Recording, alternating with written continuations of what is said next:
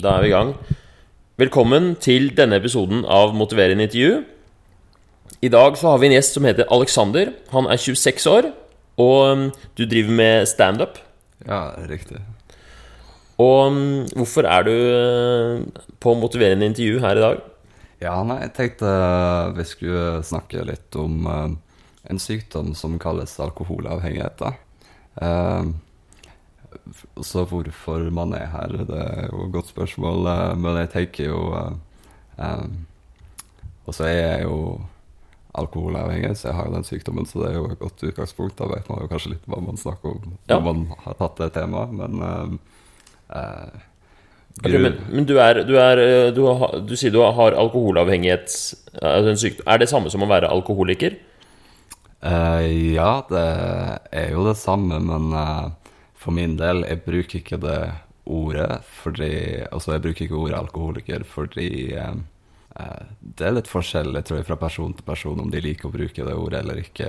Eh, jeg bruker det ikke fordi jeg føler det er eh, et veldig negativt lada ord hvor hvis man sier til seg sjøl hele tida Sånn som man startet A-møtet med å si navnet sitt og at man er alkoholiker, da syns jeg det blir mye, for mye fokus på eh, at man er sykdommen sin. Og jeg tenker man er ikke sykdommen sin. Jeg håper i hvert fall at man er mye mer enn det.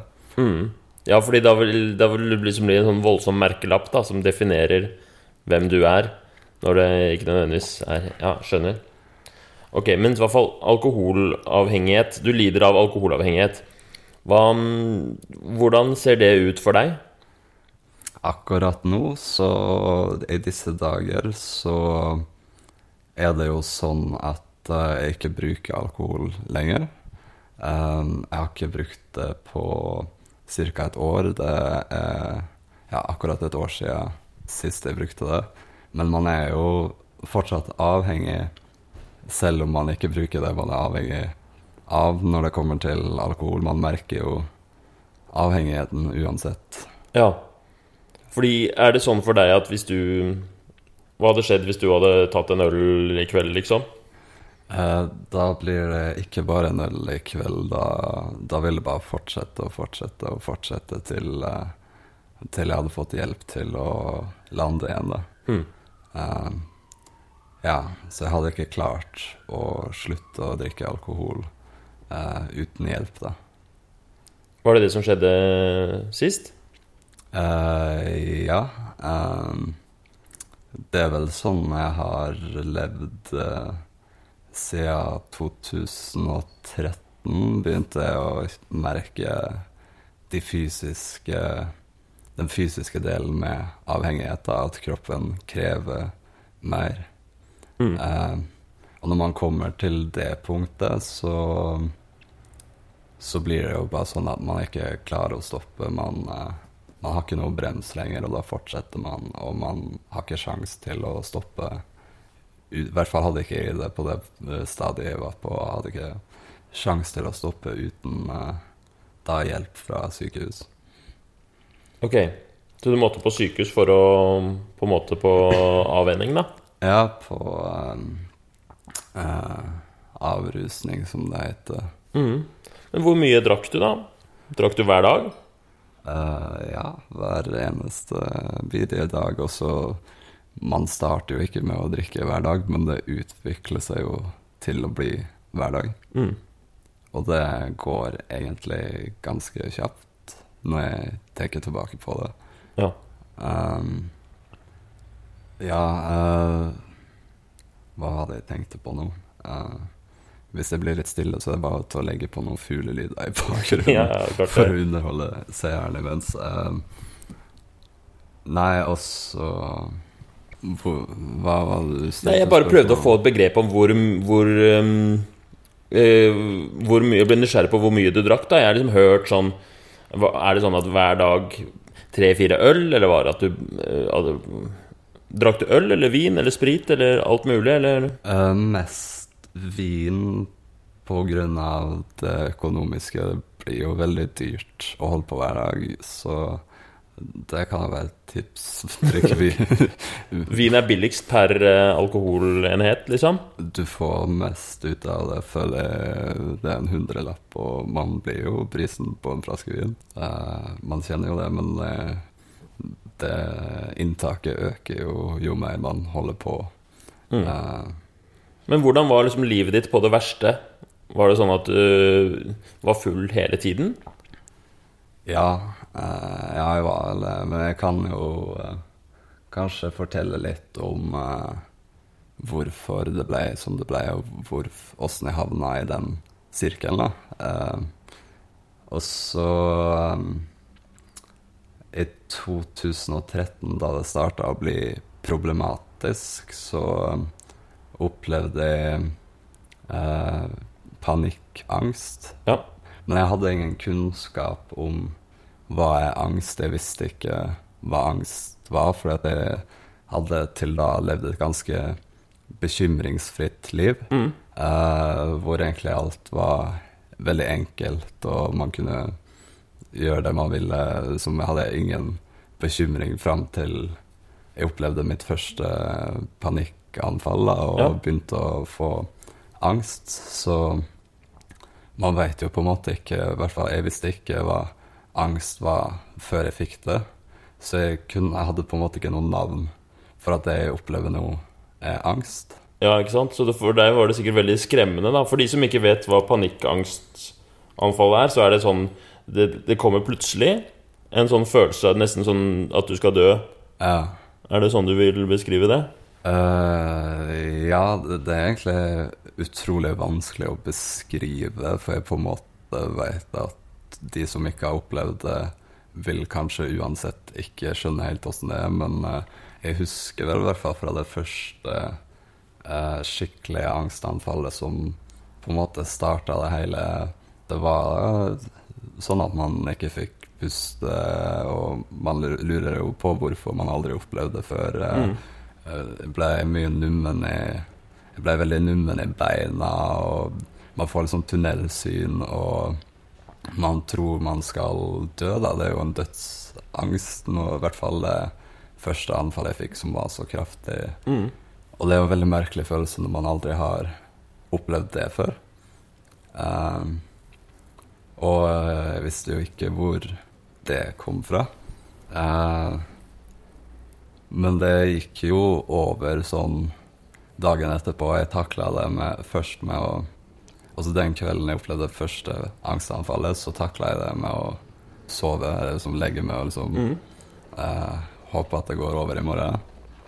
Og eh, det gjorde det jo. Jeg våkna jo ikke opp med angst igjen.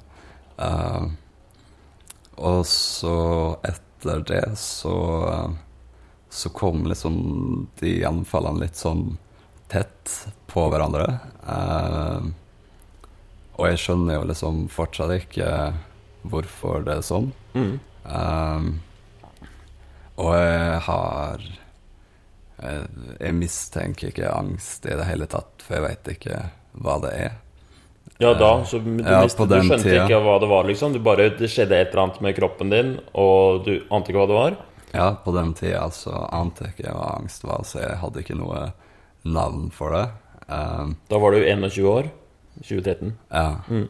Uh, og um, uh, Så jeg kunne uh, Jeg vet ikke, jeg kunne eller kunne ikke. Altså, jeg oppsøkte jo lege for å spørre liksom hva det kunne komme av, da. Mm. Men jeg spurte aldri om hva er angst, eller eh, Nemlig. er det angst, eller For jeg mistenkte ikke det, så Det har jeg lært at den, den viktigste behandlingen for angst eller angstanfall, det er jo å lære hva det er, Ja, ja. og få kunnskap om det.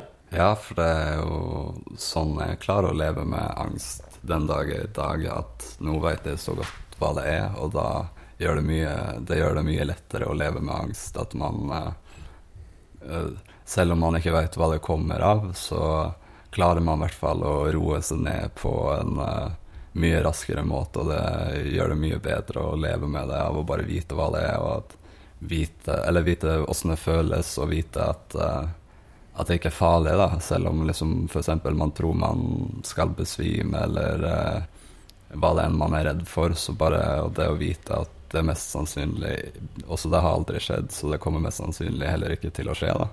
Men hvordan er den angsten knytta opp til eh, drikkinga, da? Uh, det var vel at uh, uh, Jeg merka i tilknytning til at jeg hadde angst og kjente på angst, og at jeg tilfeldig drakk en dag i normal festsammenheng, sånn som en som ikke er avhengig, ville ha drukket, så merka jeg at den angsten ble borte av alkohol. Ja. Og, um, og jeg visste jo at uh, Også litt sånn seinere, da, når det kom igjen og jeg fortsatt ikke aner hva angst er, så uh, fikk jeg vel et innfall eller en idé om at jeg skulle prøve å drikke fordi at den angsten ble så utholdelig da, at, uh, at det var nesten litt som et eksperiment da, for å se hva alkohol kunne gjøre. Og, um, og det funka jo kjempebra mot Ja. angst. Det, Det var god medisin, rett og slett? Utrolig alkohol er en utrolig god medisin mot angst. Eh, det er kjempeeffektivt. Eh, og det var egentlig Eller det er jo det jeg har brukt alkohol til siden da. Siden 2013 så har jeg brukt det for å bli kvitt angst. Um, og sånn når jeg testa ut da om det funker mot angst, så visste jo jeg at det, det, Jeg skjønte jo at det er jo ikke bra å bruke alkohol mot angst, men så tenker man jo Ja, det var liksom bare den ene gangen man brukte det. Man tenker det går jo bra å bare å teste det ut én gang. Men så funker det så utrolig bra da, at man tester det ut en gang til. Og det Mm. funker like bra, og så Men er det ikke sånn at uh, Min forståelse av alkohol og angst er jo at du kanskje uh, Du skyver problemet litt foran deg, da. At fordi med en gang alkoholen går ut, og du får uh, Da får du fylleangst. Og så må du på en måte kurere det igjen. Det, stemmer det, eller? Jo, etter hvert så vil jo det stemme, men liksom sånn i startperioden så ble jeg veldig sjelden fyllesyk, sånn at ja. sånn helt i starten så hadde jeg ikke behovet for å reparere fylleangst eller noe sånt. Ja, men, ja, så det ga deg ikke mer angst etterpå? Hadde, så det funka egentlig bra som en medisin? Ja. Egentlig uten bivirkninger? Ja, det tar tid før, uh, før man kommer til der at man skal reparere det, eller uh, sånne ting, da. Eh, men, eh, men ja, som jeg var litt inne på, at, eh, at det ble jo liksom gradvis at jeg testa åssen alkohol funker på angst. Så vet man jo at det ikke er bra, og man eh, tenker jo at det her skal ikke bli en vane, så jeg planla jo på en måte aldri å bli avhengig. Mm. Det bare ble sånn av Ja, jeg vet ikke om man kan kalle det tilfeldig. Det er på en måte sjølforskyldt, men eh, eh, jeg vil si at det bare, det bare ble sånn, på en måte. Ja, det er jo eh, Man snakker om det at eh, så, eh, alkoholavhengighet er jo ganske sånn genetisk betinga. Hvis hvis du har den eh, Hvis du er satt sammen sånn at du blir avhengig av alkohol, så er det ikke så mye du kan gjøre med det, liksom, annet enn å Hvis du da Er det ikke en viss andel av befolkninga som kommer til å bli avhengig av alkohol hvis de drikker alkohol? Mhm, jeg kan uh, tippe at det har litt med genetikk å gjøre også. Uh, for uh, også vi har veldig lite avhengige folk i slekta og familien, nesten ingen. Men Mm. de er veldig sånn når de først drikker, så har de ingen bremse. Sånn, de kan, det er ingen i min familie som klarer å ta en øl. Det er sånn alt eller ingenting. Ja. Så eh, jeg kjenner jo igjen at eh, Eller jeg vet jo ikke hva det er med genene, men ja, at det er genetisk, kan jeg tenke meg med at alle i slekta tydeligvis er like glad i alkohol alle sammen, da, når de først eh, tar seg en fest. Men kan jeg spørre, nå, fordi nå er det jo gått ett år siden du har drukket alkohol sist. Så, og i et, nå har vi et motiverende intervju hvor den første delen handler om å på en måte avklare et problem. Og mm, i og med at du på en måte har slutta å drikke, hva er det egentlig da som er problemet? Eller hvordan, hva er det vi skal jobbe med, syns du? Og så, selv om jeg har uh, slutta, så um, merker jeg jo avhengigheten eh, hver eneste dag i form av eh, abstinenser, selvfølgelig litt mindre enn når man nettopp har slutta, og man er jo litt klarere i hodet, og kroppen begynner å fungere mer og mer, men det går jo ikke en eneste dag uten at man sitter og vurderer skal man begynne på igjen eller ikke. Så det er jo et problem at man stadig Eller det er veldig energikrevende, da, at man alltid, hver eneste dag, eh, har den der eh, Man sitter og vurderer for seg sjøl åssen man vil ha det framover. Vil man fortsette å jobbe mot et rusfritt og sikkert bedre liv, enn, eller vil man gå tilbake til det som har blitt trygt, da, og så eh, Eller det som føles trygt for meg, er jo å være rusa. Selv om jeg vet at det ikke er trygt, så er det på en måte det jeg er vant til. Så selv om man vet at det er farlig, så, så sitter man jo alltid og vurderer om man skal gå tilbake dit hele tida, da. Eh, så det er vel kanskje det som er problematisk nå om dagen, at eh, man hele tida blir påminnet om hvor man kommer fra, liksom, eller at man er avhengig. og Man kommer liksom ikke helt videre, men eh, Så du har lyst til å komme deg videre? Er, er, du, er du redd for å sprekke? Eh, ja, ja, man er jo alltid det, men man er jo ikke like redd for det nå når man har fått det såpass på avstand som et år, så er man jo mye tryggere i seg sjøl. men uh, absolutt så føler jeg at det er en fare for å sprekke alltid hver eneste dag. eh. man kommer jo i situasjoner hele tida hvor, eh, hvor man eh, får veldig lyst til å sprekke, og så eh, Åssen man klarer å ikke sprekke, det vet jeg nesten ikke, men jeg har i hvert fall klart å ikke gjøre det. Har du vært på sånn AA-møter og sånn, eller? Jeg har vært på ett AA-møte. Det er ca. ett og et halvt år siden, så jeg hadde noen Mm. sprekker etter det.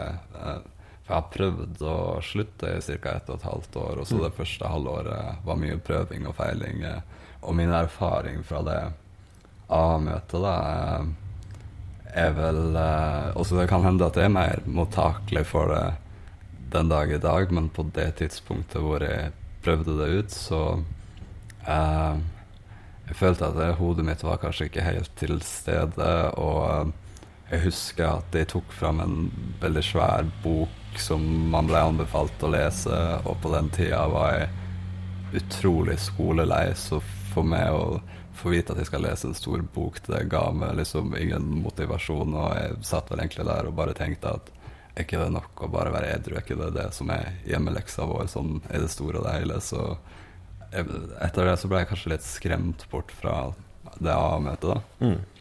Eh, Så jeg har ikke prøvd det igjen etter det.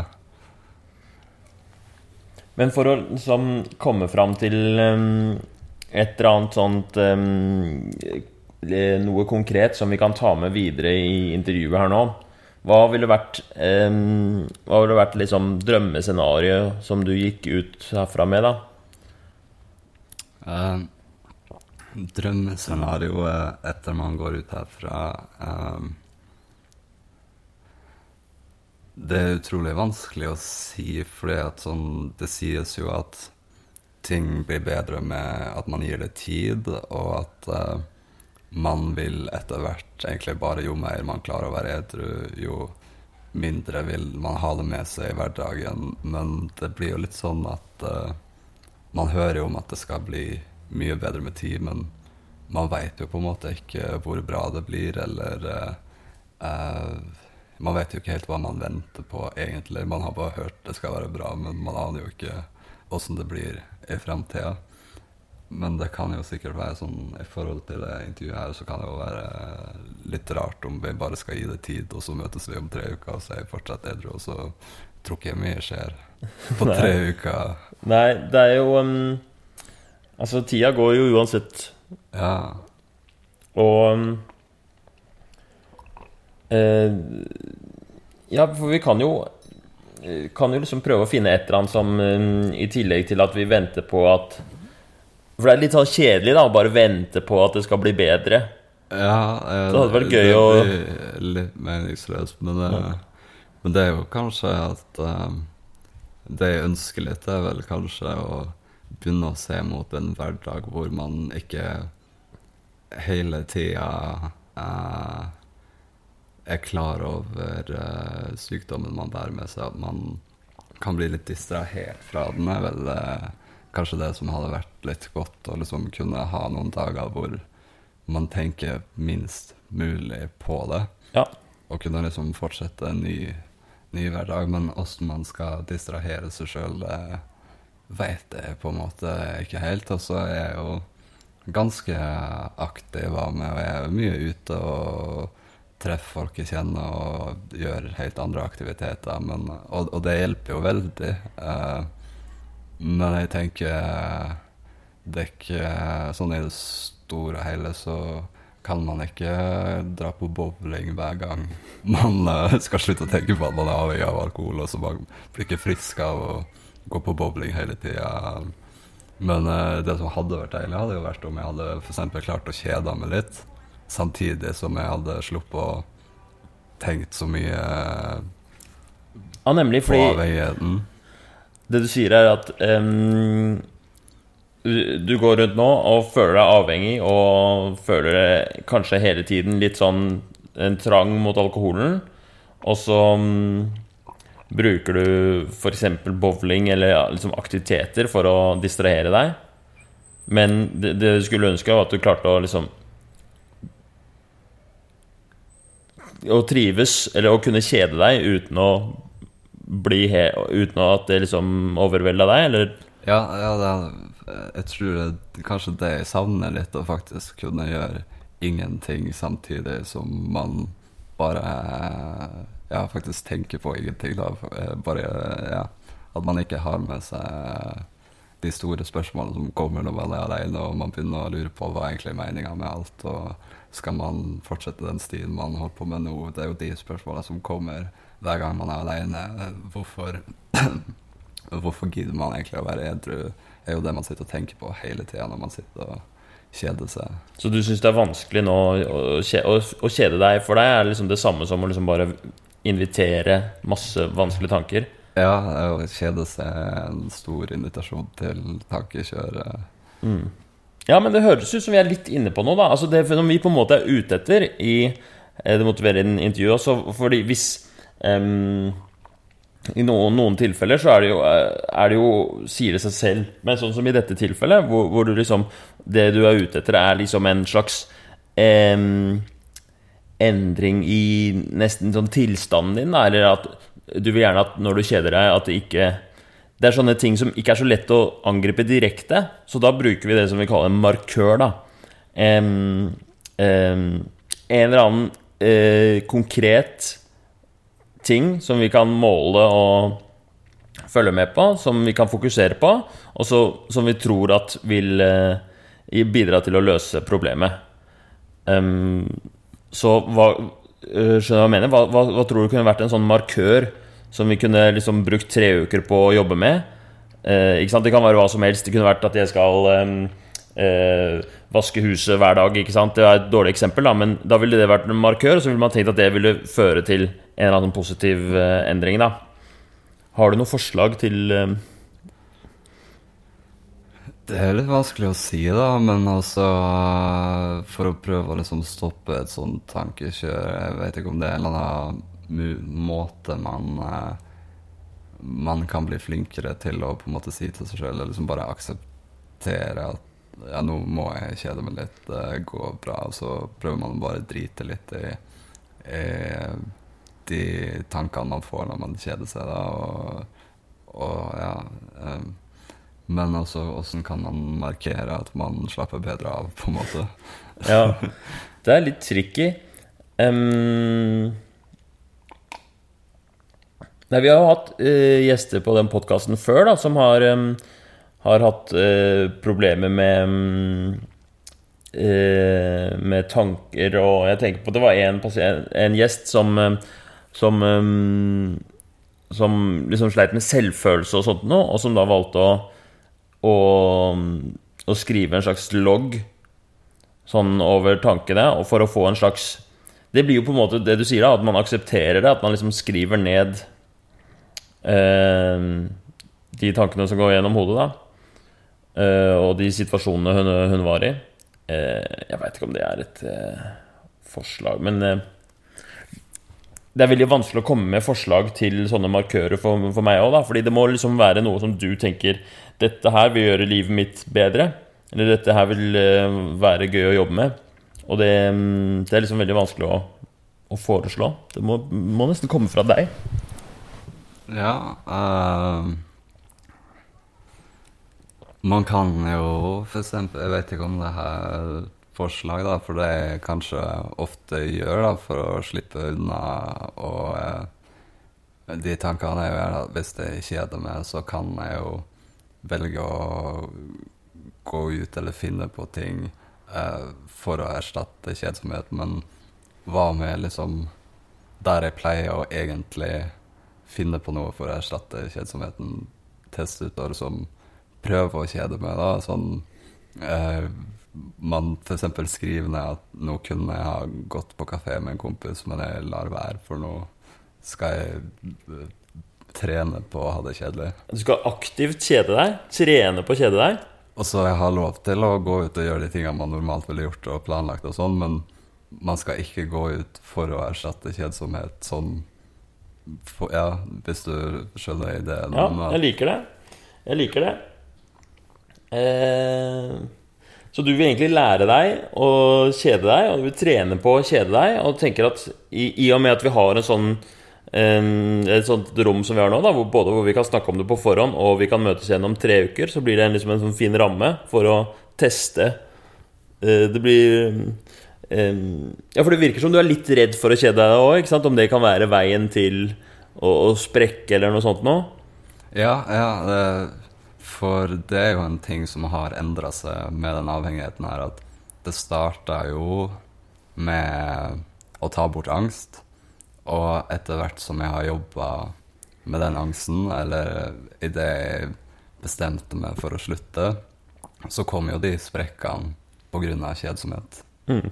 Så jeg har jo endra grunnen til å begynne å drikke igjen. Det har gått fra å ta bort angst til å ta bort kjedsomhet. Ja. Så du skal danse litt med kjedsomheten nå, og, mm, og prøve å på en måte lære deg å bli venn med den igjen? Er det det du sier? Ja, ja det, må, det må bli noe sånt. For jeg er altfor flink til å forlate huset for i stor frykt for å kjede meg. Ja. Og det, jeg tror det kan være sunt å, å få til, og at det ikke alltid skal skje noe rundt meg. ja. Nei, men da går vi for det. Da den Da, vi, da har vi brukt nå eh, en halvtime på eh, å liksom snakke om problemet og komme til bunns i hva det er der. Og så har vi kommet fram til at ok, ditt problem er Ja vel, du har altså, alkoholavhengigheten, som er et sånt eh, Jo, som jo er et problem, men du har ikke drukket på et år. Men det som er liksom problemet du vil jobbe med nå, er at du vil lære deg å få litt sånn um, En sterkere kontroll over det, da, virker det som. Fordi akkurat nå så er det uh, Føles det ut som hvis du I visse situasjoner så, så er det liksom vanskelig, fordi hvis du kjeder deg, så, så kunne det liksom lede til en sprekk, eller du i hvert fall blir veldig frista til alkohol. Så du vil liksom vinne tilbake den delen av livet. For du kommer uansett til å måtte kjede deg av og til i livet. Så derfor skal vi nå i tre uker Har jeg forstått det riktig, da? Kjede deg i tre uker. Litt sånn um, strukturert kjedsomhet. Ja, altså eneste er at um, man har lov til å gjøre ting og finne på ting sånn som vanlige folk gjør. sånn Men man må ha en slags bevisstgjøring, da. Mm. Går man ut for å faktisk møte folk? Er man interessert i å treffe folk, eller gjør man det for å ta Ja. Bort kjedsomhet. Og hvis svaret er at man gjør det for å ta bort kjedsomhet, så må jeg rett og slett kjede meg isteden, da. det er okay. det som blir eksperimentet. Ja. La oss gå gjennom da eh, del to av det motiverende intervjuet, som er en, en som hvor vi lager en liste over eh, på en måte fordeler og ulemper med endringa, for for å vite litt hva vi står opp mot. Så la oss si vi gjør det her nå i tre uker, at du skal, eh, som du sier, i visse situasjoner tvinge deg selv litt til å kjede deg istedenfor å rømme fra kjedsomheten hele tiden. Eh, hva tror du vil være fordelen ved å gjennomføre det? Eh, Leve på den måten, liksom. Og så eh, Jeg aner jo ikke hvilket resultat vi kan få av det, men eh, sånn vi har planlagt det, så håper jeg vel at eh, resultatet på sikt kan være litt at eh, At uh, man kan gå tilbake til hverdagen, prøve å liksom få bort tankekjør med å med å lære seg å For de situasjonene at man kjeder seg, de kommer jo uansett. Men uh, eksperimentet er jo å prøve å få bort det tankekjøret som jeg gjerne erstatter med kjedsomhet. Ja. Hva tror du vil være liksom ulemper, eller hva er det utfordringene med det her, da? Eh, utfordringen vil jo eh, definitivt være at uh, at jeg blir litt redd for å gå på veggen eller bli gæren av å kjede meg. Det høres kanskje litt rart ut, på det, men jeg får jo automatisk litt bilder i hodet av at det vil klikke for meg hvis det Ja. kjeder meg sånn. Så liksom å sitte i en stol uten å ha mobilen der, uten å ha liksom noe distraksjon, det virker helt Det er nesten sånn skremmende for deg. Jeg pleier jo konstant å rømme fra kjedsomhet, også. det er sjelden at TV-en ikke står på, f.eks. Mm. Uh, men ja, nei, jeg, jeg tror det kan bli veldig interessant, det. Og så uh, Jeg er ikke sånn eh, super, super nervøs for å begynne å drikke alkohol igjen ved å teste det her ut, for jeg føler jeg på en måte har kommet så langt at, uh, at det skal litt til akkurat nå før Eller det skal mye mer til å sprekke nå enn det skulle før, da. Så, Mm. så jeg tror det er en passende tid å få testa seg sjøl ut litt. Uh, for uh, jeg er også en del En del av historien som jeg har glemt å fortelle sånn i starten, er jo at uh, de angstanfallene som jeg snakka om uh, Når jeg ikke visste at det var angst, så eh, tolka jeg det som om jeg hadde en eller annen sykdom. Uh, så jeg fikk en sånn innbilt sykdom hvor, eh, hvor jeg var helt sikker på at jeg var dødssyk. da, Og når jeg gikk til legen, så fikk jeg jo aldri det bekrefta. Men eh, Så jeg ble litt sånn hypokonder oppi det hele. Og, så det er jo det som har vært drivkraften til å fortsette. Jeg har liksom trodd at um, jeg skal dø uansett, da. Men det har jeg ikke nå lenger, og da er jeg mye mindre redd for å kjede meg. Mm. Fordi at det var jeg helt avhengig av når jeg skulle slutte å drikke alkohol. Så måtte jeg akseptere at jeg er ikke syk allikevel. Mm. Uh, så, så jeg har ikke den sterke drivkraften til å begynne å drikke lenger som det var, da. For det var utrolig sterk drivkraft å tro at man skulle dø uansett. Ja. For da gir det jo plutselig veldig mening å drikke. Så hypokondrien din, på en måte, den er ikke der lenger. Nei, jeg har jobba Det var den jeg måtte jobbe først Mm. med. eh, for man eh, Jeg så på det sånn at jeg har ikke sjans til å slutte å drikke hvis jeg fortsatt tror jeg skal dø, da. Fordi Mm. at det var jo det som legitimerte alkoholproblemet veldig. Fordi hva hadde jeg lyst til å gjøre i mine siste dager? Jo, jeg hadde lyst til å feste, og, og det er jo det det har vært. Det, jeg føler det som at jeg har ikke hatt en sånn veldig sørgelig tid med problemet heller. fordi at for meg så har det her bare vært en stor fest av at det Også det høres jo jævlig mørkt ut. At det, liksom, av at jeg tror jeg skal dø, så, så velger jeg bare å ta den siste festen. Så det er jo det jeg har holdt på med. Og det er utrolig mørkt, men, men du kan jo kanskje vite hvor gøy det er å feste, så det har, det har jo det det har vært for meg. En stor Ja. fest Ja. Sånn med noe mørkt i bakgrunnen. ja. Og det har jeg ikke med meg lenger, da, fordi at uh, da er jeg helt sikker på at jeg hadde drukket alkohol den dag i dag. Mm. Hvis jeg hadde fortsatt trodd jeg skulle dø. Så, så jeg tenker at nå er Nå har man jo jobba veldig med å få alkohol på avstand og få bort hypokonderi og de tankene der. Mm. Og da tror jeg jeg er veldig sikker på at jeg er sterk nok til å teste ut og kjede meg uten at eh, det vil føre meg ut på gale veier igjen. Ja. Nei, men bra.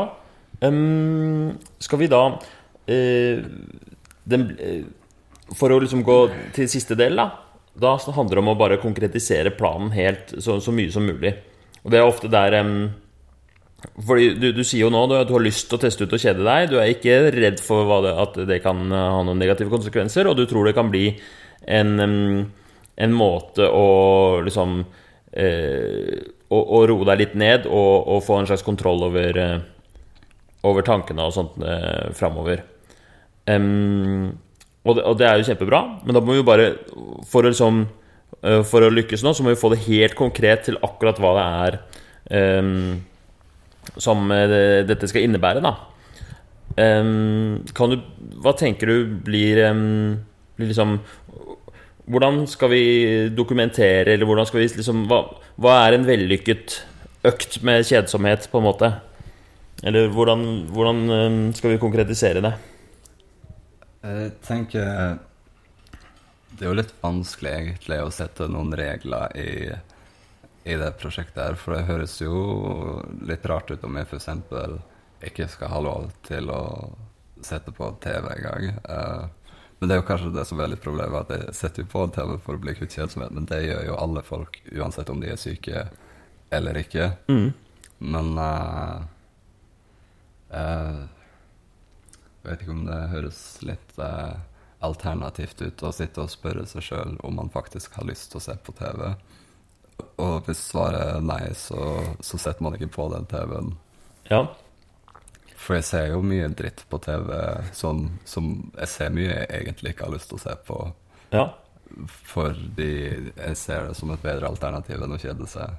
Nei, for hvis man skal liksom aktivt kjede seg For um, jeg tror det er litt vanskelig å Å um, uh, ha det som sånn gjennomgående At man hele tiden skal spørre seg Er det dette jeg vil, og så Altså, det blir fort gjort at man eh, ikke får det til. Da. Det jeg ser for meg, er at du finner en måte å eh, liksom kanskje en gang om dagen eller en gang i uka eller hva, sette av tid til å aktivt kjede deg. Det var sånn jeg så det for meg. da Ja, At det blir en slags sånn eh, Noen drar på treningsstudio for å pumpe jern, mens du drar på kjedsomhetsstudio for å For å trene på det, da. Altså, det blir jo litt sånn eh, Det, det høres jo ut for, for meg som det du er ute etter, er litt, minner litt om meditasjon, eller litt om eh, eh, Altså sånne, en sånn type praksis, da. Eh, det i hvert fall- det er i hvert fall én måte å konkretisere det på. da For da kan du liksom si at eh, jeg skal gjøre det så og så mange ganger, jeg skal gjøre det i så og så mange minutter. eh, og jeg vet at jeg har fått det til hvis jeg har sittet i stolen uten å sett på TV i fem minutter. liksom Da har jeg gjort unna dagens Noe sånt noe, da. Men det må, det må jo være det Jeg vet ikke hva du ser for deg. Ja, du tenker at fem minutter holder, eller eh, jeg, altså, jeg har sikkert tid til å kjede meg en time om dagen. Det Det hadde mye, aldri da. jeg klart. Jeg hadde aldri klart en time om dagen. Det, det er litt mye, da. Eh, Ja. Jeg veit ikke hvor dårlig tid du har, eller hvor viktig dette er for deg, men jeg hadde i hvert fall valgt prøvd å i hvert fall satsa på noe som var forholdsvis lett å gjennomføre. Sånn at eh, Jeg hadde aldri klart en time om dagen. Men det kan jo hende. Altså det eh, Du kan jo se hvordan det går, da. Men i hvert fall hvis vi skal sette et Det er fint å sette et sånt mål, og så kommer vi tilbake og vi gjør det enkelt for oss sjøl. Liksom. Det blir på en måte å jukse litt, da, men eh, det liker jeg å gjøre i disse motiverende intervjuene. At vi, man setter seg et eller annet eh, et eller annet mål som er sånn dritenkelt å gjennomføre. Det trenger ikke å være, man trenger ikke å liksom lure på om man skal klare det, man skal sitte og bare vite at man skal klare det. Ja. eh, og så er det jo noe med å kanskje vite, eller ha en plan på hvordan man skal kjede seg, For det skal jo være for å trene på å ta bort de trivielle spørsmålene om meninga med livet og sånne ting som eh, for meg blir plagsomt, da, og hele tida spørre seg sjøl. Men eh, jeg tenker hvis man setter seg ned og liksom Nå skal jeg kjede meg fordi jeg ikke skal tenke på det. Det blir litt som å si 'ikke tenk på krabbe', og så tenker du på krabbe. Ja. Eh, så det blir kanskje det vanskeligste med det hele. At man vil jo alltid på en måte vite hvorfor man skal kjede seg. Mm. Jeg tenker det kan være det som er, gjør det her det vanskeligste med å lykkes. At man vet at man gjør det fordi man ikke skal tenke på noe. Ja. ja, for du kommer jo garantert altså, Men er ikke det litt av poenget, da? Å invitere de tankene og bare si sånn Ja, bare kom, se hva som skjer, liksom. At for kjedsomhet for deg er jo å, å liksom ha tanker sjøl, da. Så er ikke det litt av det at du skal liksom danse med? Ja, og prøve å se de tankene på en annen måte, kanskje.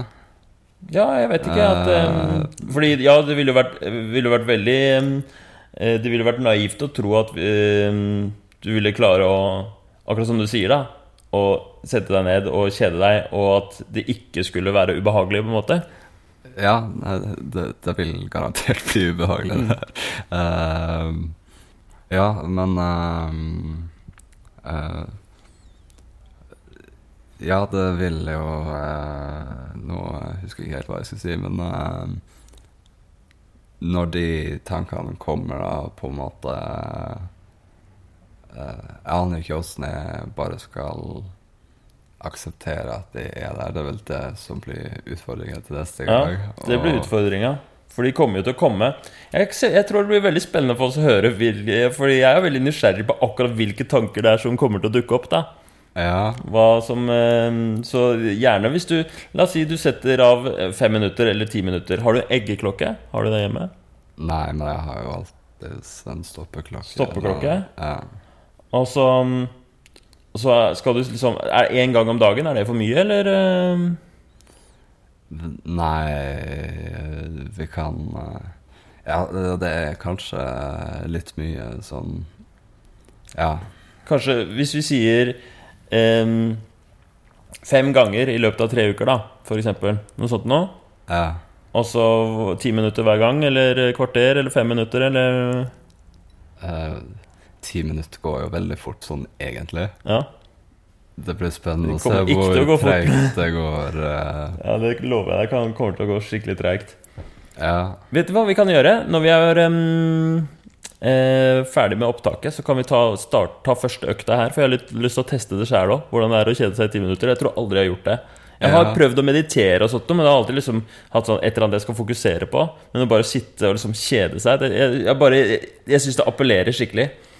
Ehm, så mm, Ja. Men vi må bare hvert fall Vi må liksom spikre prosjektet. Og nå veit jeg at nå mm, det, At jeg kanskje legger litt for mye At jeg tar litt for mye styringa her, da.